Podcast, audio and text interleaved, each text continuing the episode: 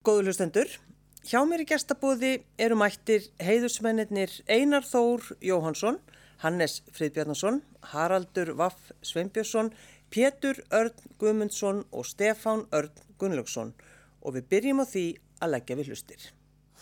Jörð, vatn og eldur undir himnasal Út við heimsins sista haf, gnæfa tindar, gullir óðnir sól. Leika þar álvar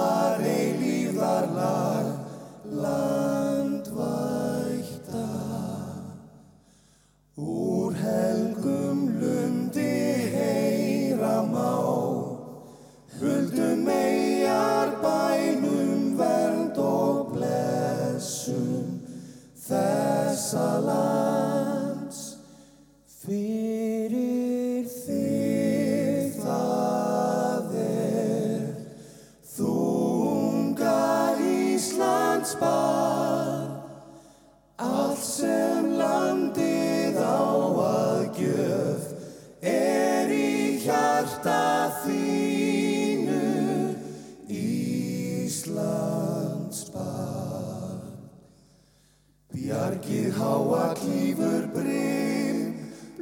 blómstrar heiði, út við ysta haf. Undir háum heimnasal, gnæfa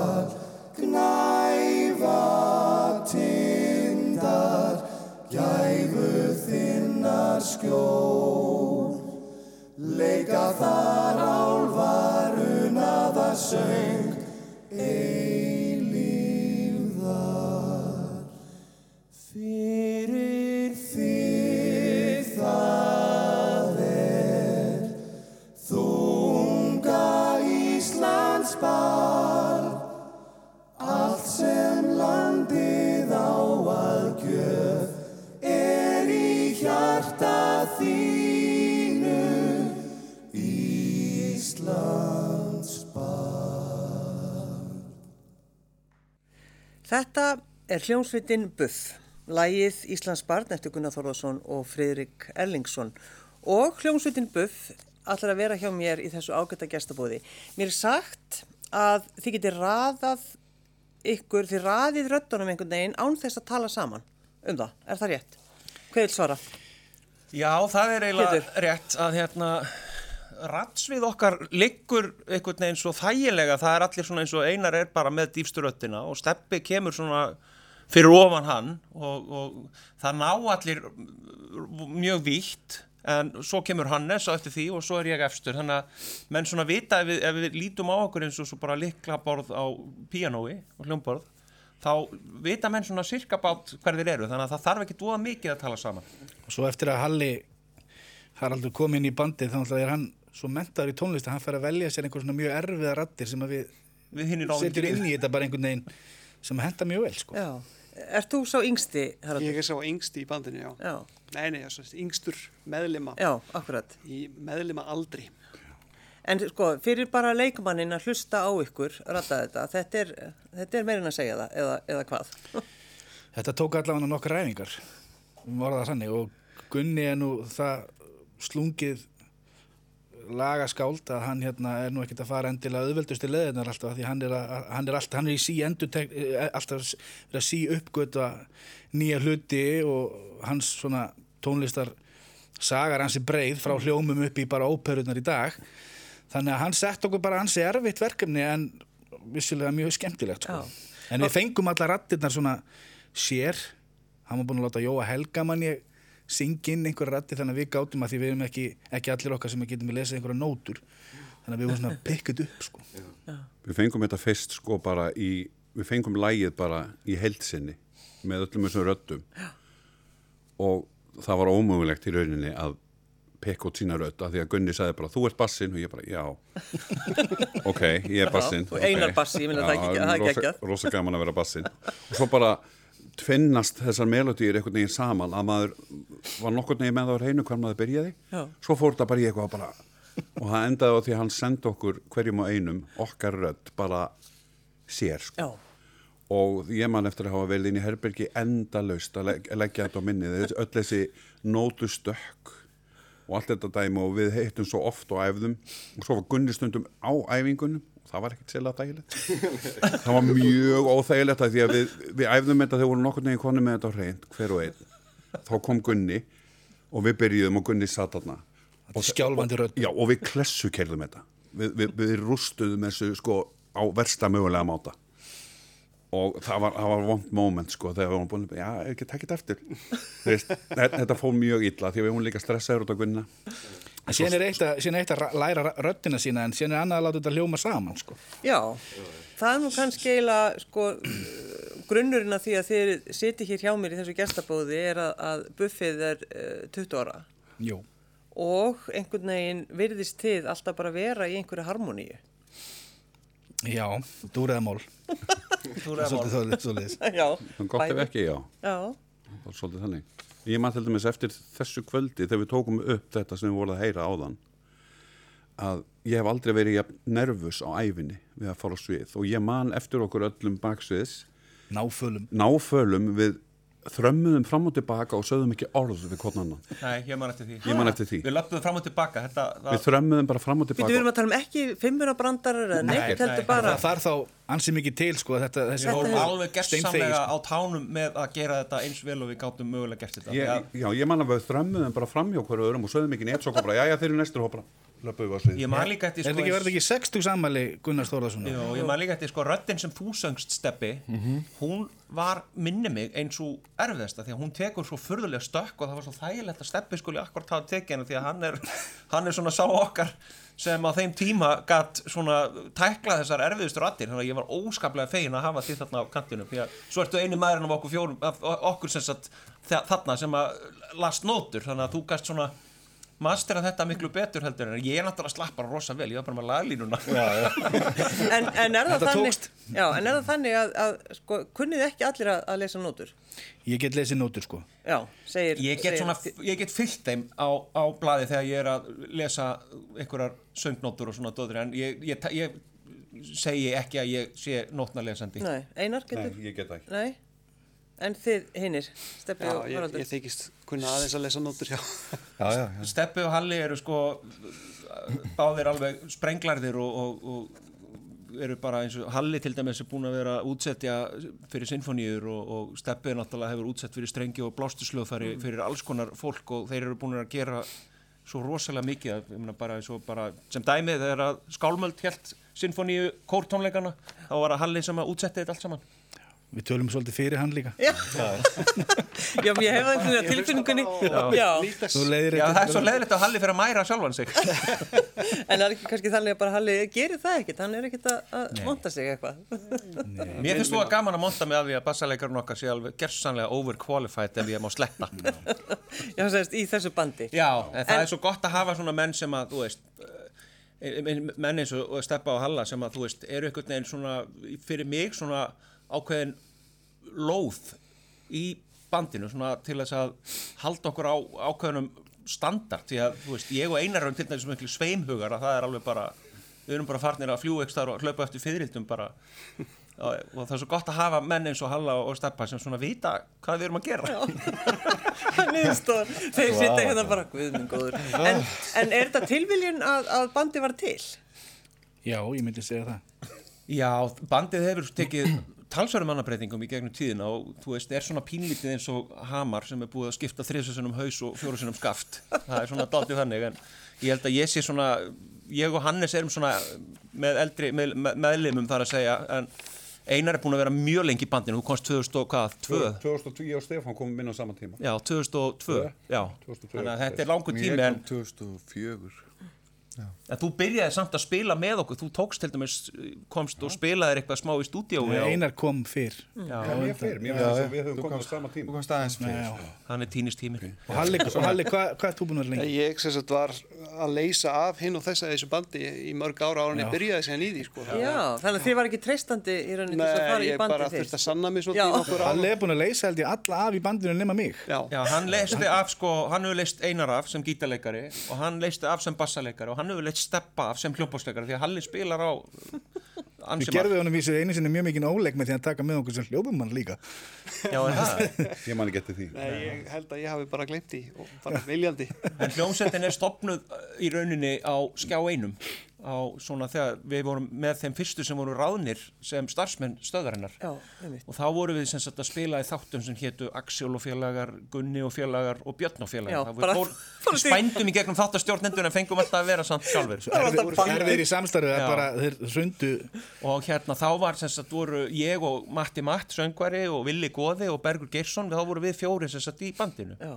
Svo var annað þáttur á skjáinum sem hétt teknileikni og þar voru Willi Góði sem var í buffinu og Hannes sem að fæstir hafa glengt þeim Já, þetta. teknileikni, það sem að var svona actionary eins og Já, kallað þetta var actioneri, þetta var stó, sko, skjára einn á þessu tíma, þetta var bara stór undarlegt apparat, sko, Já, já. þannig síðsumars 99 á stuði. eldhugum og allir fengu að vera með þátt og það var engin hugmynd sem að var ekki sett bara í sjónvarp sem er náttúrulega, veist, líka ákveðin vöndun og rittstjótt kannski, en, en eftir á higgja, þannig að urðu þarna til fullt af þáttum og var, urðu líka til fullt af fólki sem er þjóðþekkt í dag í sjónvarpi, sko. Já, já, já. Þetta var svona smá grasrótar Það var mikil græsrótt í gangi og rosalegur áhuga náttúrulega eins og gefur að skilja ekkit neitt brálæðislega mikil peningur í spilinu en áhugin var alveg þeimun meiri og það að geta fengið að vera í sjónvarpi með þátt og allt og, og við vorum alltaf að gera svona grín uh, sketsa Já, já, í hverju einasta þætti og bara öll svo vinna hún bara kendi manni alveg óskaplega mikið bara um það að koma fram í sjónvarpi sem að við gefum síðan gert aldrei mikið af í gegnum tíðina eftir það. En Willi Góði var þess að trommuleikarinn í þáttunum og síðan þegar bandið fór að spila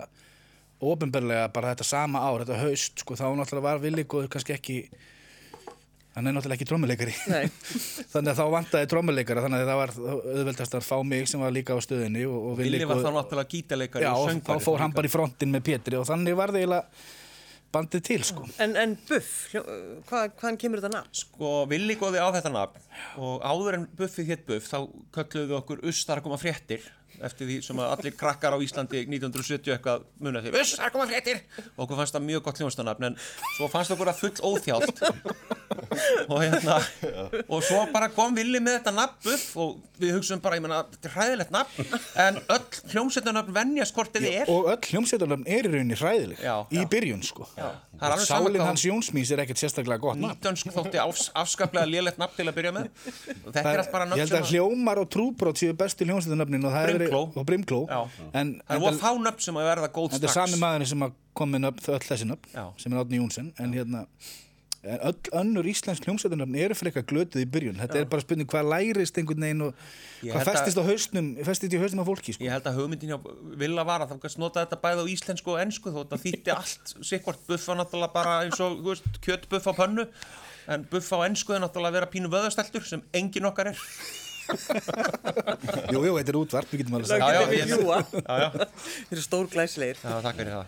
Um, mér langar svolítið nefnilega að tala um þetta sko að vera í hljómsveit öll þessi ár og það allt saman en um, að því að við byrjuðum á þessu, þessu, þessu dásend hérna áðan Já. þá verður samt svolítið gaman bara að fá að heyra hvernig þið hljómið í dag. 20 árum síðar, er þið til? Shit. Já, við erum til. Það er svo gaman að ég er hérna með nokkur hljóðfæri hjá mér. Já, þetta er svo skemmtilega Þegar þú segir. Þvílík tilviljun. Uh, Fyrsta lagi sem þið ætlið að flytja fyrir okkur í dag. Það heitir Sáluhjálp og er lag sem ég, Pétur uh, sendi í uh, Eurovision fyrir einhverjum árum Það var 2011. Já, ég man ekki, þú- 2011 Þetta já, var átti sem sagt dag í 2011. forkeppni Eurovision og ég sem sagt sendi þetta lag inn bara sem demo sem ég hafði gert heima hjá mér og svo þegar lagið var komið inn í keppnina þar að segja að ég fekk símtal um það að ég hefði komið inn þá náttúrulega fannst mér bara borlegjandi að strákarnir væru með mér í þessu þannig að við fórum sem, sem hljómsveitin Buff í Já. Eurovision í rétt. og töpuðum hver vann? ég held að uh, 2011 2011. Það man ég ekkert. sjáu það, þið munið ekki eins og hver vann? Akkurat, en, en þið munið að þið töpuð Já, við munum að töpum Gjörðu svo vel Þetta er lagið Lagið Sáluhjálp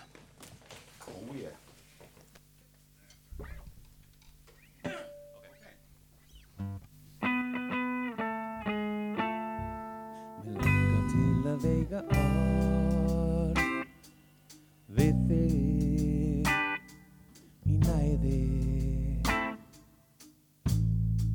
Þú þarft Korki hausnis borð Á gleði og bræði.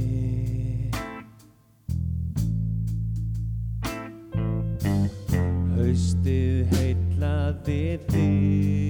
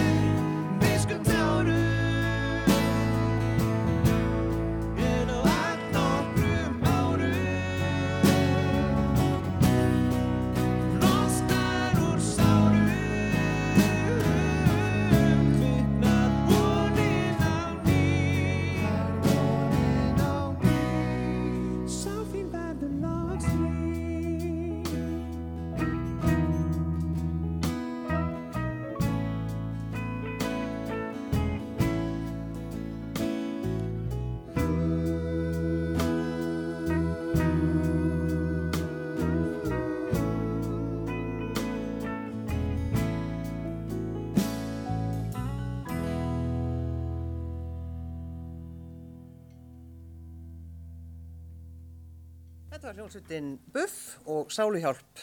Takk fyrir þetta strákar og gjöru þið svo vel. Komiði og setjist til bóls með mér.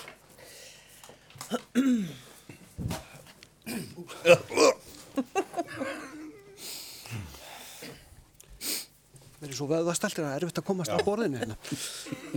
Hefur verið mikið sökk á okkur í gegnum tíðina?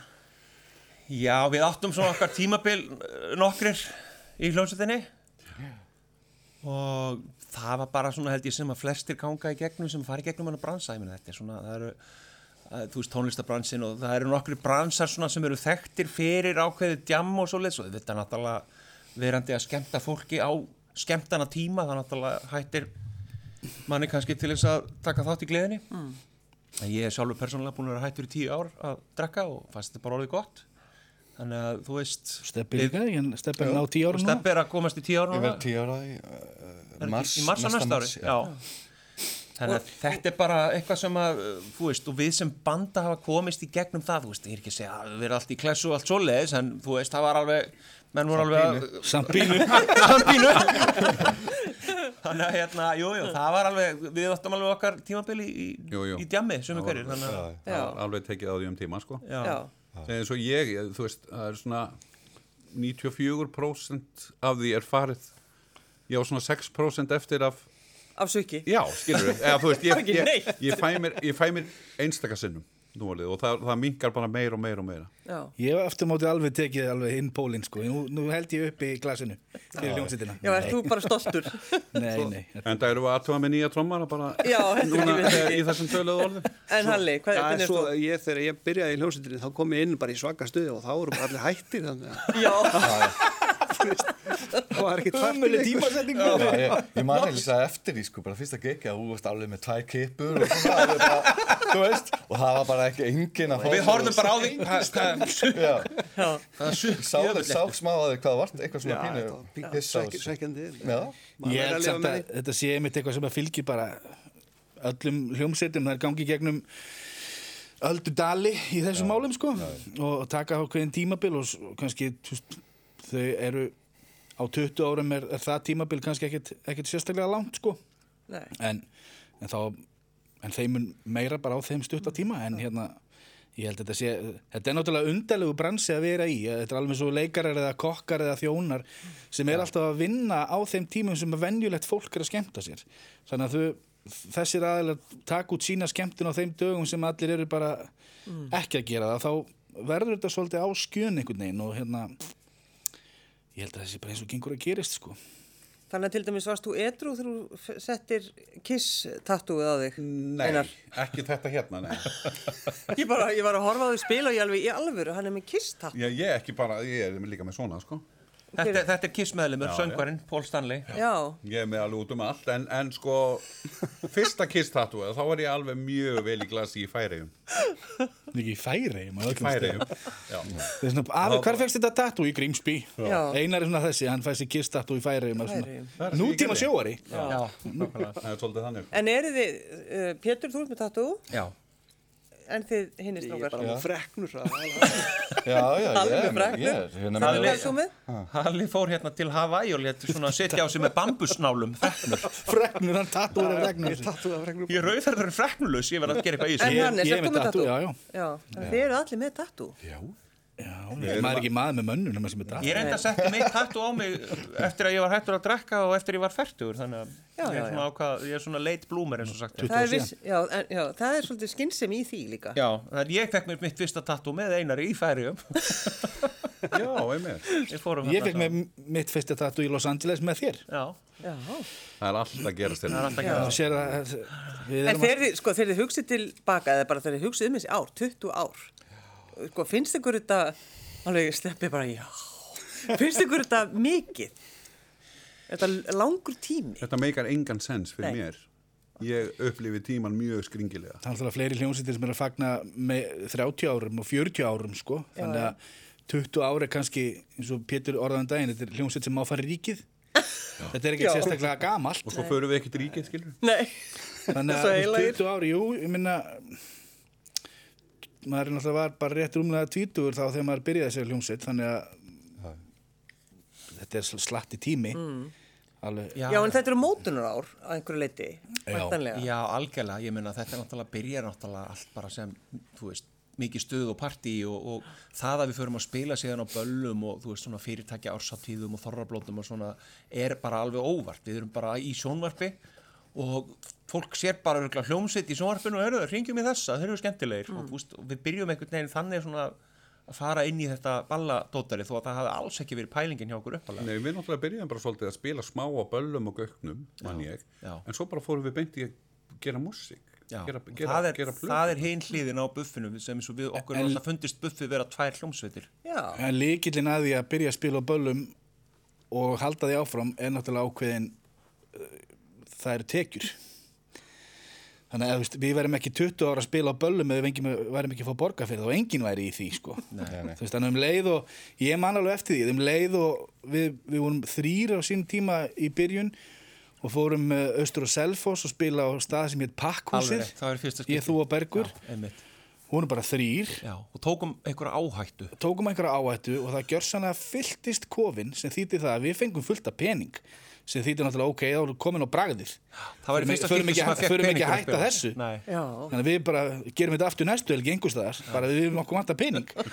Þannig að hérna, þannig einhvern veginn held ég að sko, þetta er svo mikill yðnaður sko, að þannig held ég að menn, menn keirast áfram bæði á félagskapnum skemmtileg heitum og öðru en það er alltaf þetta á bakvið, ok, hvað fæ ég, fæ ég ekki eitthvað borgað fyrir þetta? Þetta var náttúrulega samt kannski líka bara, þú veist, það var gaman að fá borgað fyrir að drekka bjór með vinnu sínum og spila bítalög. Vissulega, vissulega, ég hafði maður hafði ekkert betra að gera um það 20, sko. nákvæmlega. En, en þi- þið einmitt þetta, spila bítlalög, spila lög sem þið þekkið og eitthvað svoleiðis. En hvenar fóruð þið í rauninni að taka það ákvörðun að bara fara að semja? Það var, ég meina, ég sem við einstaklingur hef alltaf verið að semja og allir, við allir förum í músík af þeirri ástríðu að búa til músík og, og þú veist, það fer rosa fáir sem fara í músík til þess að spila á böllum með, þú veist, þá þú veist, gaman að skemmta fólki og allt það skilur og fá pening fyrir það. Það er náttúrulega bara atvinnan, þú veist, og það er ekkert að því en, þú veist, auðvitað eru allir sem eru í músík myndu vilja óska þess að geta lifað að því að spila sína eigin músík og, og gera bara það sem þín hugarefni bjóð upp á Kom einhver á framfæri. koma ykkur á framfæri en þú veist á Íslandi náttúrulega er það bara ekki hægt þú þarfst að vera með sjö, eh, játn í fimm, 15 eldum skilur til að geta lifað af þessu og, og Við byrjum bara frekar fljótt samt, ég meina, já við gerðum plötu 2002 Tvö. 2002. þá gerum við plötu með þú veist bæði lögum sem ég hafði átt sko frá því að ég var í mentaskóla og, og við bara svona gerðum plötu bara því að á þessum tíma var vorum við með aðgang að stúdiói sem við þurftum ekkert að borga fyrir og við gátum bara farað og tekið upp það sem okkur langaði til að gera Og Þú varst ekki þá komin? Já, já, skemmtilegt að segja frá því að ég var nú reyndar upptökumæður á þessari plötu. sko. Já, og Miksaði að... Halli er búin að vera viðlóðandi bandið í mjög langan tíma Halli hefur verið partur af bandinu bara eiginlega alveg frá því Við höfum að alltaf kallað hann sjötta meðliminn sko þó að, þó, að, þó að hann sé náttúrulega Steppi og Einar voru ekki komnir í bandið formlega þarna, þó Einar, þú spilaði nú Ég, spil, ég spilaði slatt á plötunni sko. Já, já. Ég spilaði aftur á móti ekkert á er er. Já, og, hann eftir, sann- út- og eftir útgáðtónleikana ringdi ég Berg og sagði ég flutti Vestmanna, ég er hættur, það er mjög góð tímasetning. Og búin að halda, að halda útgáðtónleika allt í gangi, þá ég er, að, ég er hættur, ég ætla að taka pásu. En útgáfu tónleikarnir er nú annað sem að, það er eitt af því sem ég sé mest eftir því að við höfum ekki tekið upp. Það voru útgáfu tónleikarnir á fyrstu blötunni sem voru haldnir á göknum og við spiluðum ekki einu nótu sjálfur. Nei. Við fengum hljómsveitir aðrar til að spila lögin. Til að spila lögin. Við fengum Sálina, við fengum Soldök við fengum Nítönsk, við fengum Írafár. Við fengum á móti Dead Sea Apple. Hver af þessum hljómsveitum tók eitt lag á plötunni og flutti? Og hvað, og þið bara í salnum bara glæður? það mátti ekki trubla okkur, við vorum að skemmt okkur. Þannig að við fengum og ég hugsaði með okkur fannst þetta bara frábær hugmynd. Og málega bara það, við vorum bara með góð tengsl og þekktum alltaf vel og voru var allir til í þessu til í Það þetta. var- það allir til í og þetta ég bara hugsaði með mér, vákaður bjánalegt að við skildum ekki að tekið þetta upp að þetta sé ekki til. Það er nú svo, Hvorki með svo margt. Og allar stærstu hljómsveitirnar á Íslandi á þessum tíma að spila einhverja plötu með okkur sem að, þú veist, suma af þessum lögum er bara rosa, djók rosa mikið djók en það var bara, sko- okkur fannst það bræði menn, við fengum Já. bara, eins og segja, það voru allir til í þetta En, en þekkja, þekkja allir hljómsdýrabuff? ekki mentaskólakrakkar í dag held ég en allir Nei. sem eru komni kannski yfir 25 ára aldur þekkja hljómsleina Ég held að buff sé nú, sko. sé nú kannski flestir sem vita um Já, sko, það hljómsveitina er náttúrulega margir sem, að, sko, við náttúrulega fórum síðan í, í, í sjómarsætti með honum Hemma Gunn heitnum sem hétt uh, Það var lægið og tókum upp ykkur að 50-60 þætti. Já, já, það voru tveir ve- vetur. Já, það voru tveir vetur þar sem við vorum bara alltaf vikulega í sjónvarpinu með Hemma Gunn og það var hérna þátturinn, það var lægið og, og, og við við, við náttúrulega bara, bara, það var brjálað að gera hjá okkur. Við spiluðum 40 helgar á ári og, og það var bara rúmlega og þú veist, og við vorum náttúrulega bara með við erum í sjónvarsauðlýsingu einu sinni í viku bara fyrir okkur, þó að það væri ekkert verið eitthvað svo mætti maður að spila á Patrísfjörði og byrja, voru þið ekki sjónvarpin á hann? Já, já. Jú, jú, jú, er allt í beinni Allt að gerast, að þannig að hérna, þú veist, við nutum náttúrulega góðs af því að, að vera svona mikið sínilegir sínilegir og þess vegna muna ég meina það er nú kannski ekki, hvað, hvernig er þetta, 2005, 2006 2005 2005 Þannig til að þú veist- 2000 rúmlega 6 já, ef að fólk var farið að lappa árið 2005 þá manna kannski eftir okkur. Já, já, ég myndi held að það. Já, þannig að hérna, En síðan eru rosalega margir sem vita alveg hvað hljómsveitin buff er eða hverjir hvað hljómsveit buff er en vita kannski ekkert mikið meira. Hafa kannski ekkert heyrt neitt lag eða, eða farið á ball sko. Nei, já. en það vita náttúrulega mjög margir þú veist, það vita margir hver Pétur er og þú veist, og, og, og frontmaðurinn fær alltaf meira, Jú, fær jú. alltaf speysið og, Er ekki? og sem er bara, sem betur fer og hérna já, já, Pétur, já, Pétur Jésu eða ekki hann, já, já. Pétur Jésu í buffinu já. Og Og hérna- mhm. akkurat, einmitt segðu Pétur, okkur frá Pétur því. Jésu og lærisvörundir og, en þú veist, ég, við hefum alltaf og margir hald, hafa haldið undanfarn ára við séum hættir Já, en það er að því að þú veist, í dag er þessi hljómsveitabransi hann er mikið til fyrir luktum dýrum. Það er á einhverjum fyrirtækja ásáttíðum eða þorrablótum sem enginn mætir á sko. eða, jú, sem fullt af fólki mætir á.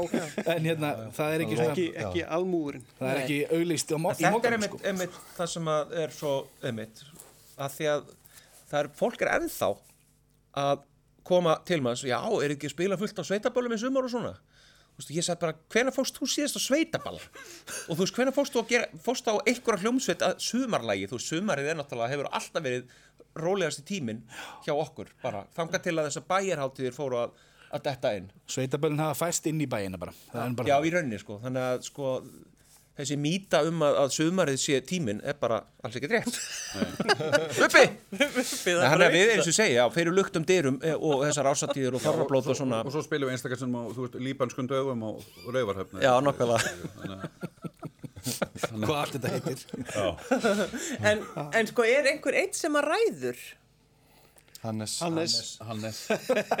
Já, þá er það, þá er það komið. Það er Hannes sem ræður. Hannes svona heldur dálítið utanum þetta og ég verð nú að gefa Hannesu kredit svona þannig að Já. í gegnum tíðina sérstaklega þegar við vorum þarna fjórir sko, Hannes var aldrei með í sökkinu ég verð að koma því á framfæri þó hann fái sér bjór og, og kannski nema, þegar hann nema fyrir luktum dýrum Já, ég segi það, nefnir fljóttum dyrum En það að Hannes skildi hafa þólað okkur hérna í gegnum nokkur, nokkur ára. Já, Það er ótrúlegt það voru nokkur ár þar sem Hannes hefði ótt að fá Óskarsvölin í hverju viku Já, en það kemur aftur við því, mér vantaði pening sko. Já, það snýst, það snýst allt um pening Snýst- þér. það, þá snýði, þá hugsaði bara shit, ég, ég þarf hennar pening og einhver þarf að vera með sönsum til þess að ef, ef, ef einhver þarf að svara fyrir eitthvað Akkurat.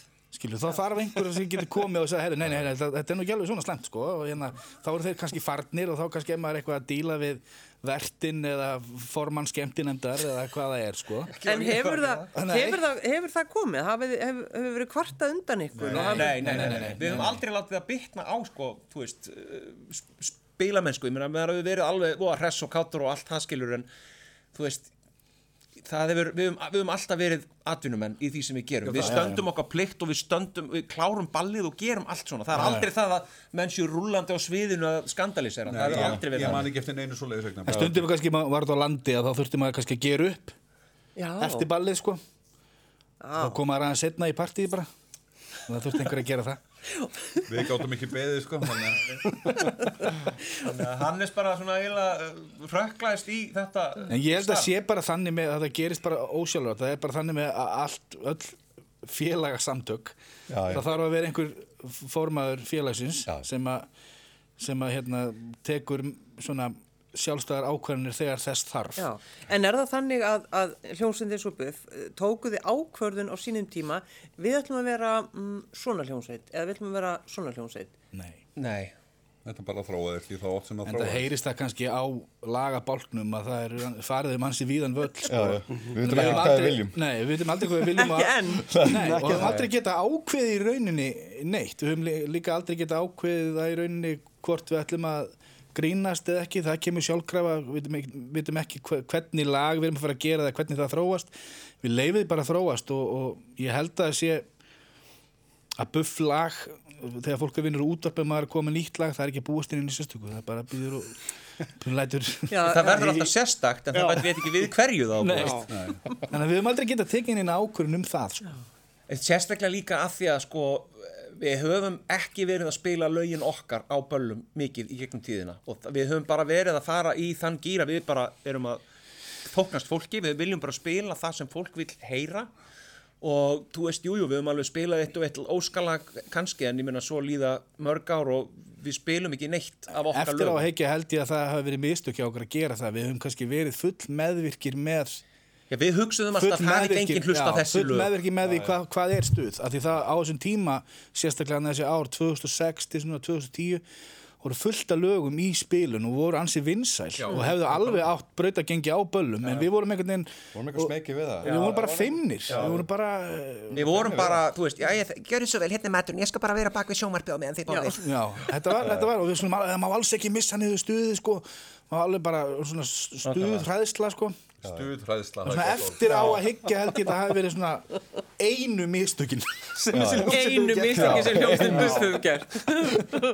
Nei, svona eftir að ekki þá held ég að við hefðum átt að kannski að, að bara vera standa beinir í baki Það og hefði- með kassan út og taka þessi lög að því ég held að allir hefðu bara fílað það sko. Ég meina, við erum ekkert að reka 700 manns út úr einhverju íþróttahúsi út af einu lægi. Þú veist, það er ekki að fara að Nei, gera. og líka Eða oft á hvað? tíðin þá eru 700 manns ekkert að fara út þau hafa ekkert í neinn önnur hús að verða að fara? hvert eiga þau að fara Þetta er kannski sveitaball. Já. Nei, Já, þið eru komin hingað, nú ætlum við að vera með plötukynningun og þetta er fyrsta platan okkar í heilsinni. En hvað er það með þessa fimmurabrandara ykkar? Mér, mér var sagt það líka, þetta væri þessi fimmurabrandara væri bara, Já, sko, húmórin náttúrulega var... bara vannþroski held ég. Já, þetta er bara... voru þú veist, vittlusir. Já. Já, já, algjörlega. Bara feina er það á undan mér. sko, hljómsveitin náttúrulega byrjaði rosa líka, sko við vorum yfirleitt að spila kannski 50% af þessum böllum eða tónleikum eða hvað sem það er, áður en við byrjuðum sem svona þessi ársáttíða hljómsveit, þá spiluðum við kannski og vorum bara að grínast á milli laga og spjalla og þú veist svona, svona þú veist, eins og hljómsveitir gera stöðu, bara eins og sniklavaldið og eitthvað svona skiluru en þú veist, það var bara það var bara, okkur leið vel með það við bara spilum eitthvað lag, svo bara fórum við að grínast og djóka og eitthvað þannig og svo bara fórum við að sjá það að böllum að sko þegar við fórum að fá eitthvað smá pening fyrir þetta og við heldum áfram gríninu að fólk stóð bara svona og gláfti á okkur og meðan við vorum að klára grínið bara þannig til næsta lag myndi byrja þannig að við svona Við vorum rosa hissa á því að fólk vildi ekki hlusta á eitthvað grín sko. Já. Já. Þannig að það er svona, þú veist, þetta er náttúrulega bara oft svona eins og sagt er lokal grín mikið og þú veist, þetta er bara svona En það hefur oft líka bara bjargað okkur. Oft á Já. tíðin með maður kannski að spila einhverju, einhverju balli eða ársáttíði eða einhverju svoleiðis.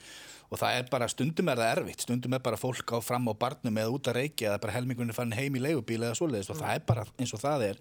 En þá er, er, er sko getur það átt til að við höfum haft alveg rosa gaman upp á sviði sko. það er algjörlega í einhver svona lokal dóti Já, það er oft einar og, og steppi í gegnum tíðina hafa komið með eitthvað svona tónlistargrín og breytt nótum eða hljómum eða gert eitthvað að tekur enginn eftir út í salim að fyrir einhvern veginn svona Nei, nei. við á liggjum í kasti á sviðinu og þetta, þetta þekkja örugglega alla hljómsveitir. Já, já. Ég hef stundum grátið svo mikið úr hlátri á sviðinu að ég fæ illt í magan og ég bara vel eiginlega að fara.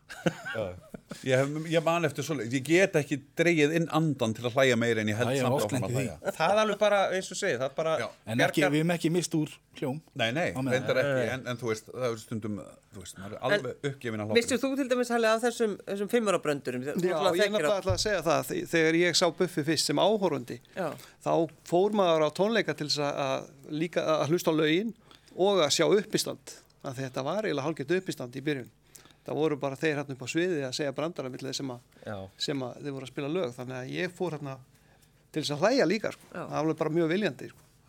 Þetta var svona, já, þetta var á Gauknum og, og Glömbar, við spiluðum, þú veist, á Glömbar heitnum uh, alla sunnudaga í tvö ár. Og þetta var svona þannig að fólk sem hafði verið að vinna alla helgarnar, þú veist, bæði tónlistarfólk og, og fólk sem að var, þú veist, að vinna á börunum á einhverjum svona- Leikarar.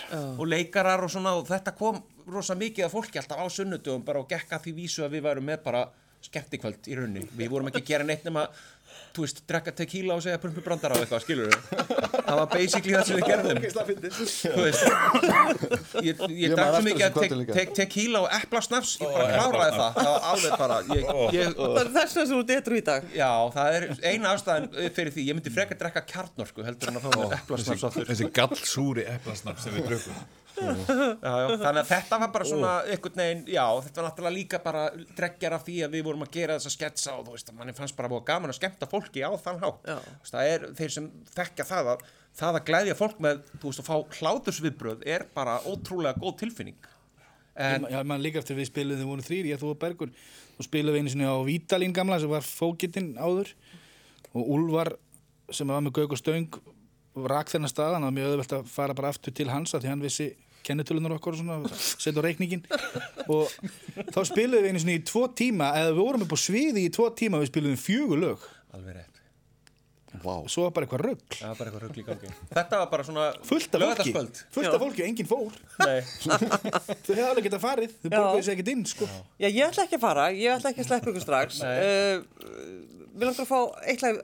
Eitt lag. já, Hvað, er, hvað er það? Steffi, þú kannski Já, það er engin, ætlum við ekki að taka engin Jú. nema þú? Rúna? Enginn um að þú? hljómsveitin Buff Já. í gestabóði, gjörðu þið svo vel. Danke.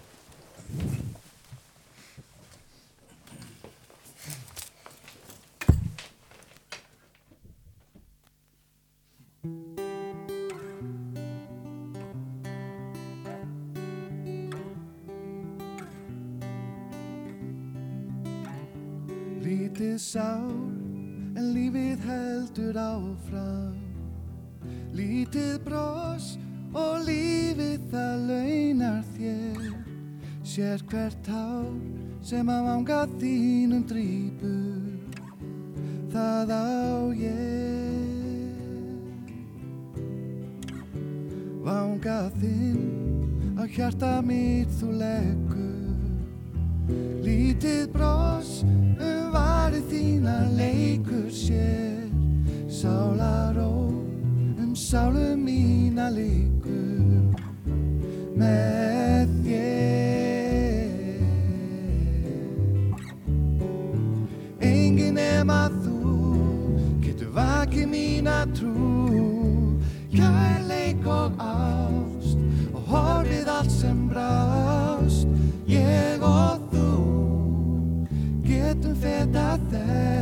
sabrú La la la.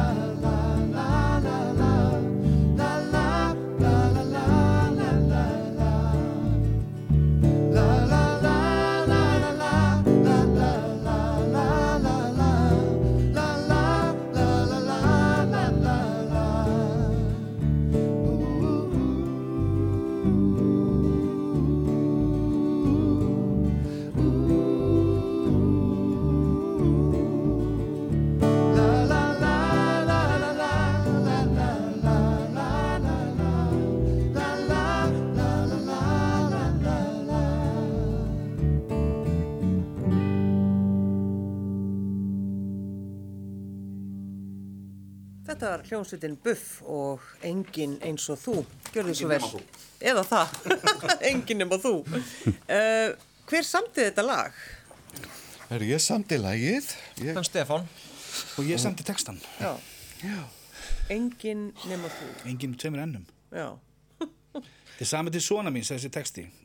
Uh, árið 2007 held ég, það var námið samið. Kemur út 2008. Og það er kannski, þá er hann hvað, fjórara. Og það er út af, ekki út af neinu heldur, svona, það er eitt af kannski því að vera í hljómsveit þá er maður að spila allar helgar og þá kemst maður kannski ekki í, sumabústaðaferðir eða, eða annað með familju og ég var bara eitthvað einn heima í, á blús með rauðvinslösku og ákvaða sem ég hana texta. Já.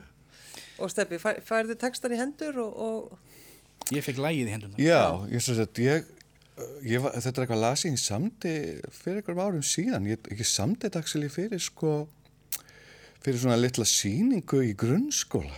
Í, hérna, Ég veist þetta ekki.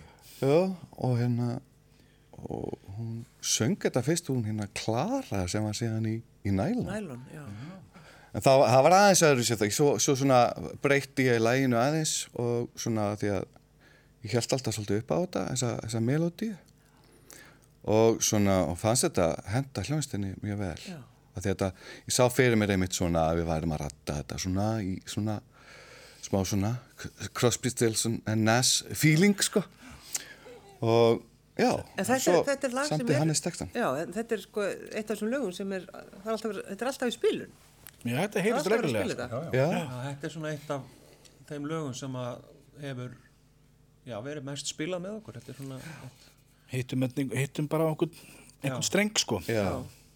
Ég held að þetta er svona eitt af lögum sem líka okkur þykir óbúslega, væntum. Ég held að sé líka að því það er, það er svolítið svona tímalust af því að þú veist, það er voðalega erfitt að vera ekki sammála þessum orðum sem við erum að syngja þarna meðan kannski einhverja aðri texta sem fjöldlu um einhverja eitthvað jam og, og rugg, Já.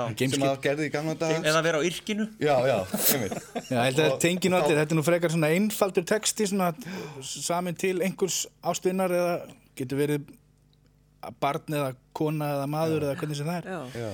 Það einhvern veginn hefur átt upp á pallborði bara síðan síðan í miðöldum. já, síðan 2007 En að, já, að því, og að því að þú nefnir þetta Hannes að, að uh, þið eruð frá fjölskyldum og bara þetta að vera sko svona konseptið hljómsveit og svo fjölskylda sko er, er þetta líkt? Já, þetta er óþægilega líkt oft. Já, Já, það er alveg heiklust þannig, ég meina við höfum gengið í gegnum annarbreytingar og þær hafa oft á tíðum verið mjög óþægilegar og bara mynd eiginlega á svona, svona sambandslít Já, er bara, það, er- það, er bara, þannig, Það er bara og hægt að segja gengur, það. það er alveg sami kvíðahnúturinn sem að maður fær ef að það er eitthvað óþægilegt í gangi og þú veist maður þarf að tækla ykkur mál og eitthvað svona, þetta er bara, þetta er bara þannig, þetta er bara eins og að vera í mormóna hjónabandi en er meiri meðvirkni í hljómsveitinni eh, eða í fjölskyldunni, fjölskyldunni eða bara svona, Ég held að sé nú bæði, það er náttúrulega misjandi eftir fjölskyldum og hljómsveitum. Jú, Vona ég. en hérna, þetta er náttúrulega eins og ég var eh, eins og ég hef oft sagt sko við fullt af fólki að hljómsveit sem stopnun er ótrúlega merkilegt og brenglað fyrirbæri. Þetta er eh, hópur samanstendum á mönnum og konum sem er eigðir mjög mörgum af stundum utan fjölskyldu saman og í talanum ef, ef að þessir hópar sem hafa verið í tíu pluss ár að hittast um helgar þegar e, fólk er búið með önnur verkefni, aðrar vinnur þú veist, fjölskyldu dæmi og allt það. Þannig að maður lærir hansi djúft inn á hljómsveitamæðlimi alveg eins og maður læri bara inn á sískinni sko. En að, sem að maður kynnist kannski ekki þetta er ekki eins og einhver sem að vinnur á kannski skrifstofu eða vinnur á lager einhver staðar eða þannig að þú, þú, þú átt þín að vinnu félaga en þú veist kannski ekki mikið meira. Að þarna einhvern veginn í hljómsveitum held ég að þú veist maður veit ótrúlegustu hluti um samverkamenn sína það er líka það sko að hljómsveitir fara oft saman út á land og gista saman einhver staðar og oft í sama herbergi og þú veist, þú ert ekki að fara heimróa mikið með samstarfsfólkinu á skrifstofunni. Að, nú skulum við leggja okkur og sjáumst, sjáumst á morgun, góða nótt. Já ekki þú segir þetta svona. Það myndast eiginlega annað samband sko og maður læri svona djúft öldið inn á hvernig svona sálatetrið í meðlumum og hérna maður veit hvernig þeir munu bregðast við eða hvernig þeir munu líka hlutina og svoleiðis. Og þetta er svona ákveð þetta er ekkert, þetta er ekkert ósvip á bara fimm bræður eða fimm systur skilur við já, já. og það eru kannski þá uh, brestirnir Já. Jú, jú, nóg að þeim sko. Nóg af þeim. Það var náttúrulega svona tímabili mann ég alveg sem var, það var sem við áttum erfitt með að tala saman alveg og svo opinskátt. Það var svona þegar kannski mesta ruggli var í gangi allavega þegar ég var svona í mesta rugglinu. Já, já, ég man eftir nokkrum svoleiðis fundum. Já, já, það var, það var, það var mjög erfitt að, en svo svona var, er maður eldri og skýrar í kollinum og, og þá finnst, þá er miklu, öll tjáskiptir miklu eðlilegri einlægari núna. Sko. menn geta sagt hvað þeim finnst um þetta og hvort þeir séu til í hlutin eða ekki að því stundum örgulega á sínum tíma gerðu fullt af hlutum sem við vorum ekkert endilega allir til í. En við okkur náttúrulega bara gera það því að við erum hljómsveit og við erum saman og, og einstinni leið öllum hörmulega. Og svo, svo leið sko. En það er bara þannig. Og, þú veist, og það er sérstaklega kannski þegar þú ert inn á hljómsveit og þú, þér finnst þú ekki geta sagt nei við einhverju hlutum að því þú ert einhvern veginn alltaf að selja sjálfan þig. Þú ert alltaf að reyna að koma einhverju á framfæri að uh, selja nafnið, buff og við verðum að vera vinsælir og þetta, vonandi líkar öllum við okkur sko og allt það og þá þóri maður ekki að segja nei en eftir á þeim maður bara heim og hvað í fjandanum var ég að gera sko. já, já, það er alveg Jú, jú.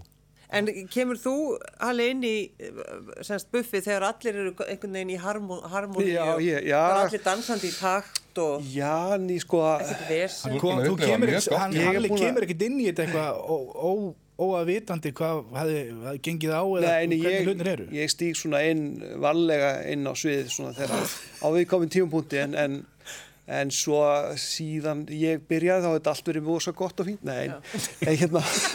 Nú, Jú, jú, ég fylgdist með, með á hliðan, hliðalínunni svolítið og ég, eins og ég segi, ég, ég var hægt að leysa af og, og ég var að semja lög líka og við vorum aðeins í stúdíónu og en að því að talið um, þú veist, lendu því alveg í einhverju vesenni, svona í alvöru vesenni, eða var þetta bara svona einhverju, Hvað er það lauruglumál þá það? já, var þetta lögreglumál?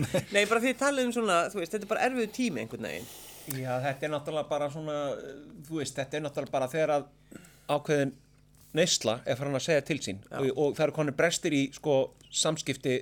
hljónstamæðlema og menn eru ekki alveg vissur um hvort að, og það, það kvíði fyrir hvert einasta gig, að því að á hverjum tímapunkti þá var ekki vita í hvernig ástandi einhverju myndu mæta og hvort að þeir væru bara, þú veist, við kláruðum alltaf ballið og, og yfirleitt tók fólk aldrei aftur neinu, að því að menn kláruðu sína, og stóðu sína plikt. En innan bandins náttúrulega vissu kannski menna þessi eða hinn voru ekki alveg á tánum og þú veist, hefðu bara átt að sleppa því að fara í partí í breiðholt kvöldið áður, skilur eða eitthvað svoleiðis Já, já. þannig að þú veist, það voru alveg svona hlutir sem að á ákveðnu tímabil, þetta er ekki langt tímabil Nei. sem þetta gerðist, en það var rosalega erfitt Þetta olli mikill tókstrið. þetta var rosa mikill kvíðavaldur og, og mjög erfitt að því að við vorum að spila svo mikið Já, við vorum líka að spila svo mikið og kannski vorum við bara svolítið útbrunni líka á þessum tíma. Ég er samfærður það. Og það voru alltaf viskiflöskur upp á öllum mögnurum.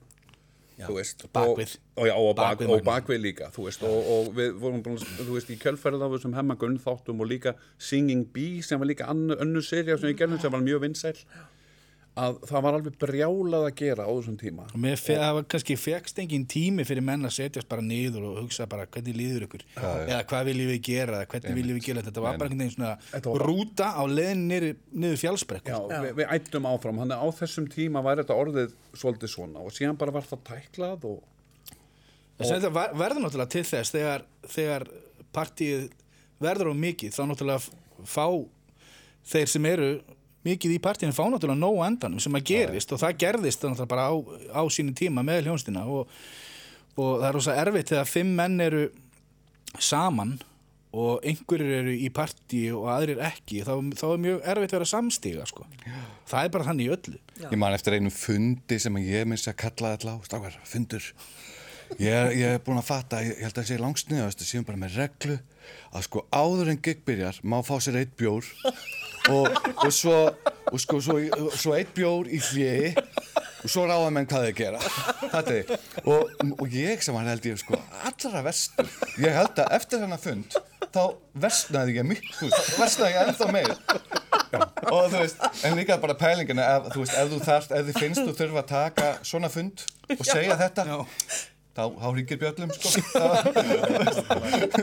Mér ámar alveg í þetta og svo mann ég að við samþyktum allir þessa tillögu, einróma. Já, þetta er ótrúlega góð já, og næstu helgi fórum gersamlega Já, ég, ég, klósettið. ég man eftir, það var þessu fundur og var eitthvað e-mail og menn svona, já, haldið ykkur á mottinu, pössum okkur að gera ekki þetta og gera ekki þetta og vera professional og svo næstu helgi var Þetta var alveg, þú veist, það var, það var eins og þetta hefði bara ekki verið minnst á þetta Það voru samt allir sammála þessu. Það var allir Þetta var kannski bara búið að viðkenna smá vandamáli og þá var Þá leiður til þú að vel að þetta væri búið að koma þessu framfæri. Og þá getum við bara haldið áfram. En þannig að sko, það er trúnaður og það er kærleikur í buffinu. Já, mikið, mikið Já, já, það, ég held að það þegar maður, vera trúnaður sko. þegar maður opna sig sko, þegar maður er í svona hljómsveit það er eitt, eitt vingill á þessu sem er, er það að þegar þú ert að æfa og þú opna þig tónlistarlega fyrir öðrum. Þetta er svona svolítið að koma út og þú ert berskjaldaður svolítið, þú ert að æfa þú ert að, þú ert að sína öðrum þína músík þú ert að spila og þú er því líður vel og, og það funkar allt. Það er eitthvað svona samhljómur í hljómsveitu sem að, sem að veldur þessum djúpu tengslum held ég. Það er Að búin að deila einhverju með öðrum sem að kemur frá þínum einstu hjartarótum. sko. þannig að það er þessi djúpu tengsl sem að það verður að ekki tekið tilbaka sko. en já, ég þetta er mjög, ég, ég, ég, ég hef búin að steingleima þessari sögu á steppa sko, þetta, þetta er mjög gott. En ég held að, ég held að þessi, þessi fundur hafi gert Ekki neitt. partí hérna þessi fundraði gegn sko partímönunum gefið þeim gott kvöld sko. Því þarna voru búin að segja sína skoðun og gáttu svona nú er þetta á reynd, nú er þetta komið á reynd og svo farið á Róseberg og svona, já við erum alveg með þetta á reynum maður og þetta er allt í góðu sko en uh, það er bara eins og það er Já, en svo er það líka þetta að þegar maður hugsa um þetta, fjölskyldulífið, uh, klára allt sem það þarf að klára og svona bara lífið og fara svo svið og vera, þú veist, hressir, að vera hress. Þessi, þessi endalösa krafa yk, uh, sko, til ykkar að vera hressir. Getur það stundum verið bara alveg hundleðilegt? Þetta er svolítið, þetta er svolítið partur af því fyrir minn smekk allavega að maður var að drekka svolítið mikið sko. Er það að maður var búinn að öllu heima og, og, og svo var komin tími til þess að fara að skemmta og maður er í engu stuði til þess, skilur Og þá, fór ég, þá man ég að ég fór bara ofta á barinn sem var með hliðin á og byrjaði bara að skella í mig skoti og bjór.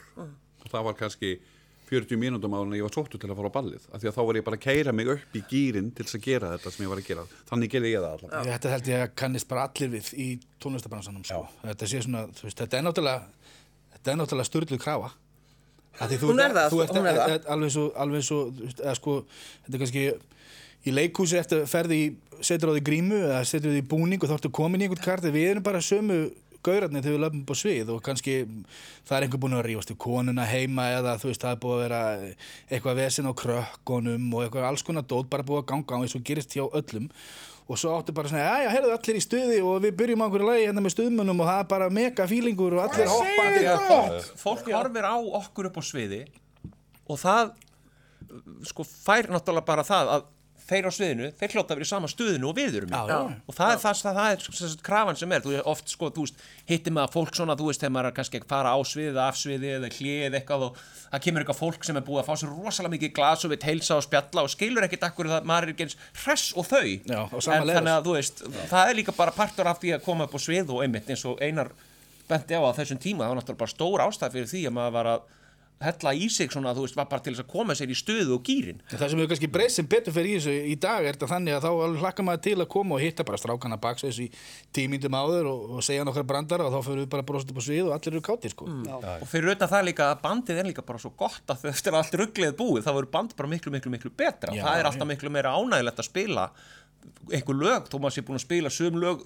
sko, nógu oft til að hlusta á þau aldrei framar en þá er miklu stu betra að gera þau vel heldur en að, að þú veist. Æja, við erum bara, ég hef oft litið á þetta, við erum náttúrulega bara við, við erum ráðnir þarna til þess að skemmta. Algjörlega. við erum alveg jafn mikilvægt hlutverk og Jói Múlakaffi sem er að gera lampasnitsel eða eitthvað og bennesósu á bakvið það því sá sem mætir í vinnuna á mándi og fór á ball með buff hann, hann man alveg hvort að, eða við skulum vona að muni það mörgum tilugum ekki en, en jú. kannski mörgum tilugum að man alveg alveg að það voru heldur góðir sko. Já. þannig að það vil maður kannski En eru einhver, sko, eigið þið einhver leyndamál sem að bara, þið munu aldrei, fullt að þeim já, segja neinu. Þannig að það er, það er alveg svo leis. Já, já, já. Alveg eins og sískinni eiga leyndamálið annað og, og vinahópar og vinir fullt af leyndamálum sem að munu aldrei líta dagsins ljós sko. Ég á eitt leyndamál og nú kemur það. Sko, Það var þannig. Þetta er löng saga, en, en það er náttúrulega bara ímyndstætt sem gerist og hérna og alls konar hlutir og hérna eitthvað sem menn segja og eru kannski menn hafa rifist og menn hafa þú veist grátið og hleyið og það allt og það er bara það er búið daginn eftir og það bara gleymist ekki, gleymist ekki meðal okkar en er bara partur af því sem við erum Já. En það er, þetta er afmælishelgi, má segja, á buffinu. Það er laugadagur núna uh, og þið ætlið að, Við erum, bara, við erum bara að fara í bát þið er að fara í, þið er að fara Við í erum bara í bát. bátinn, já. það maður bá til hafnafélagar. Já, og það, og það, það er enginn að fara barinn fyrst til þess að hella í sig til þess að í stuði. nú Þið er eru bara nú í er það stuði. búið, sko, nú, er það er bara, nú erum við að fara til Vestmanega Við vorum í bí- bæjarbíó í Hafnafyrði í gær Já. Og hérna Vestmanega Okkur er alltaf þótt gaman að spila í Vestmanegum Og það hefur mikið, mikið gengið álíka hjá okkur í er, uh, við, hérna, Steppi, þú hættir um Já. Eftir ball í Vestmanegum Ég hætti eftir ball í Vestmanni. Strákar, þú veist, þátturinn eru búinn og hvað kemur svona að? Já, já. Var það eitthvað, varstu fjúkandreður? Já, ég var eitthvað, ég var hann bara, ég var hann eitthvað þreyttur bara á þessum tíma. Og Kurteislega það- sagt, já. Ég, mér langaði eitthvað svona að breyta til. Og og svo bara svona til, sko, tildulega nýlega byrjaði ég aftur sko, er ég aftur komin í, í þessa mormóna fjölskyldu Já, já. og uh, Nú þannig að þetta var bara alvöru, þú hættir í alvöru. já, Já, já. Og svo hérna, já Og var bara- skelltirðu- skelltirðu það var það í eitthvað? þrengslunum bara sem að ég var bara, Já. ok, ég hérna þetta er orðið gott. Þannig sem betur við erum ekki verið í þrengslinu eftir, það er bara. já, já, Já, Þannig að, já, En við hefum oft farið til Vestmanna átt alveg gríðilega góð bölðar, uh, bæði um jól og áramót og páska og sjómanadagshelgar og hvað og nokkra þjóðatíðir og hérna, þess vegna fannst okkur bara tilvalið að á þessum ammælum, ammælis tónungum að allan að við vorum búin að ákveða þessar þrjár dagsningar sem sagt í gæri í, í Hafnafyrði og í kvöld í Vestmannum og svo um næstu helgi annan nóvumber á græna hattinum sem er mitt í fyrsta skipti sem að hljónstinn Buff spilar á græna hattinum. Það er náttúrulega alveg stórkostlegt. allir spilaðar margóft með hinum og þessum en aldrei undir þessum formerkjum. Já, en þið ætlið að klára þáttinn með hvað lagi? Það er lag sem heitir Í gær og er lag eftir hann Steppa með einhverjum texta innskótum frá mér og Hannes en þetta er bara Já. barnið hann Steppa og hérna þessi texti var nú samin að því það bara þurfti texta sko já, Já, var það er oft svolítið skemmtilegt. bríari, sko. já, en hann er ágættur sko það er fín já, já. Hljómsveitin Buff, Einar Þór Jóhansson, Hannes Friðbjarnason, Haraldur Vaff Sveinbjörnsson, Pétur Öll Guðmundsson og Stefán Örn Gunnlaugsson. Takk fyrir að koma í gestabústrákar. Takk. Þið klárið þáttinn, gjör þið svo vel. Takk, takk fyrir að fá okkur.